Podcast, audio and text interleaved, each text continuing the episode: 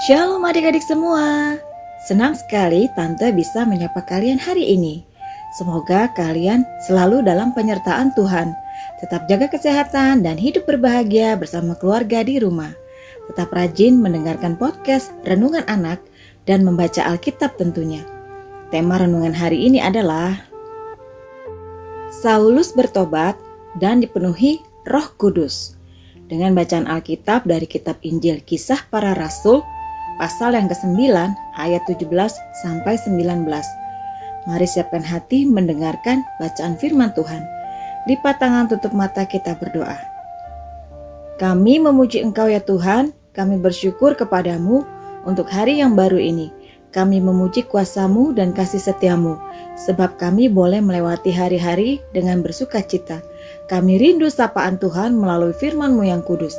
Curahkanlah rohmu bagi kami ya Tuhan, untuk memelihara hati dan pikiran kami, agar firman-Mu dapat kami pahami seturut kehendak-Mu. Terima kasih Tuhan. Amin. Kisah para Rasul 9 ayat 17 sampai 19. Lalu pergilah Ananias ke situ dan masuk ke rumah itu. Ia menumpangkan tangannya ke atas Saulus. Katanya, Saulus saudaraku, Tuhan Yesus yang telah menampakkan diri kepadamu di jalan yang engkau lalui, telah menyuruh aku kepadamu, supaya engkau dapat melihat lagi dan penuh dengan roh kudus. Dan seketika itu juga seolah-olah selaput gugur dari matanya, sehingga ia dapat melihat lagi. Ia bangun, lalu dibaptis. Dan setelah ia makan, pulihlah kekuatannya Saulus tinggal beberapa hari bersama-sama dengan murid-murid di Damsyik. Demikian bacaan firman Tuhan hari ini.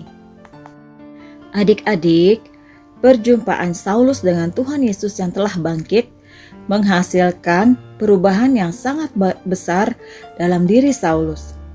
Salah satu bukti pertobatannya adalah kemudian ia menggabungkan diri dengan jemaat di Damsyik Saulus yang tadinya berhasrat membinasakan para pengikut Kristus, kemudian tinggal dalam persekutuan dengan mereka. Tak heran bila banyak jemaat yang mencurigai kehadirannya. Bukan hanya di Damsyik, jemaat di Yerusalem pun tidak mudah menerima Saulus.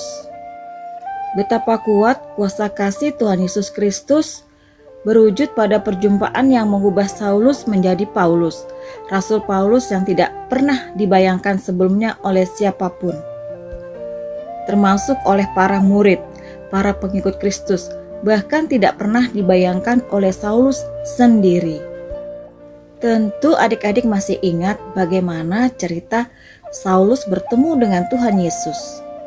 Dalam perjalanannya ke kota Damsyik untuk menangkap para pengikut Kristus, Ternyata Tuhan Yesus menampakkan diri kepada Saulus di tengah jalan, berupa cahaya dari langit. Tuhan Yesus memberikan perintah untuk Saulus untuk tetap melanjutkan perjalanan dan diam di kota Damsyik. Sejak saat itu, Saulus mengalami kebutaan. Teman-teman seperjalanan harus menuntunnya, dan selama tiga hari Saulus tidak makan dan minum.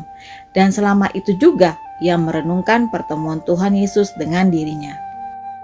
Suatu hari, dalam suatu penglihatan seperti mimpi, Tuhan memberitahukan bahwa Ananias akan datang dan menumpangkan tangannya akan dirinya sehingga ia dapat melihat lagi. Benar seperti yang dikatakan Tuhan dalam penglihatannya. Ananias, seorang murid Tuhan, datang ke rumah di mana ia tinggal. Ananias berdoa untuk Saulus agar ia dapat melihat lagi dan penuh dengan Roh Kudus. Saulus dapat melihat kembali dan Roh Kudus membuat ia berbalik dari hati yang dulu membenci murid Tuhan Yesus, tetapi kini ia menjadi pemberita Injil di rumah-rumah ibadat sampai di luar kota Yerusalem dan bahkan kepada bangsa lain. Sungguh luar biasa tugas yang dilaksanakan oleh Saulus tersebut. Peristiwa Saulus sama dengan para murid pada hari Pentakosta, yaitu Saulus menjadi percaya Tuhan Yesus dan dipenuhi dengan Roh Kudus. Di buku renungan adik-adik ada aktivitas mengisi titik-titik dengan huruf vokal yaitu A, I, U, E, O. Kalau adik-adik mendengarkan dan mengingat apa yang tante katakan, tentu adik-adik dapat mengisi dengan mudah aktivitas ini. Mari kita ucapkan bersama-sama. Aku mau hidup dipenuhi Roh Kudus. Sekali lagi, aku mau hidup dipenuhi Roh Kudus. Mari kita berdoa. Bapa di surga, kami percaya Tuhan Yesus mengasihi dan sudah menyelamatkan kami.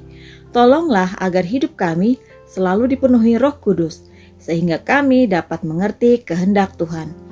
Kami mau selalu menjadi saksi Tuhan di mana pun atau kapan pun kami berada.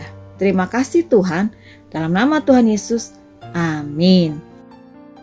Demikian renungan hari ini kita mau menjadi Saulus dan menjadi pemberita Injil dan dipenuhi oleh Roh Kudus. Tuhan Yesus memberkati.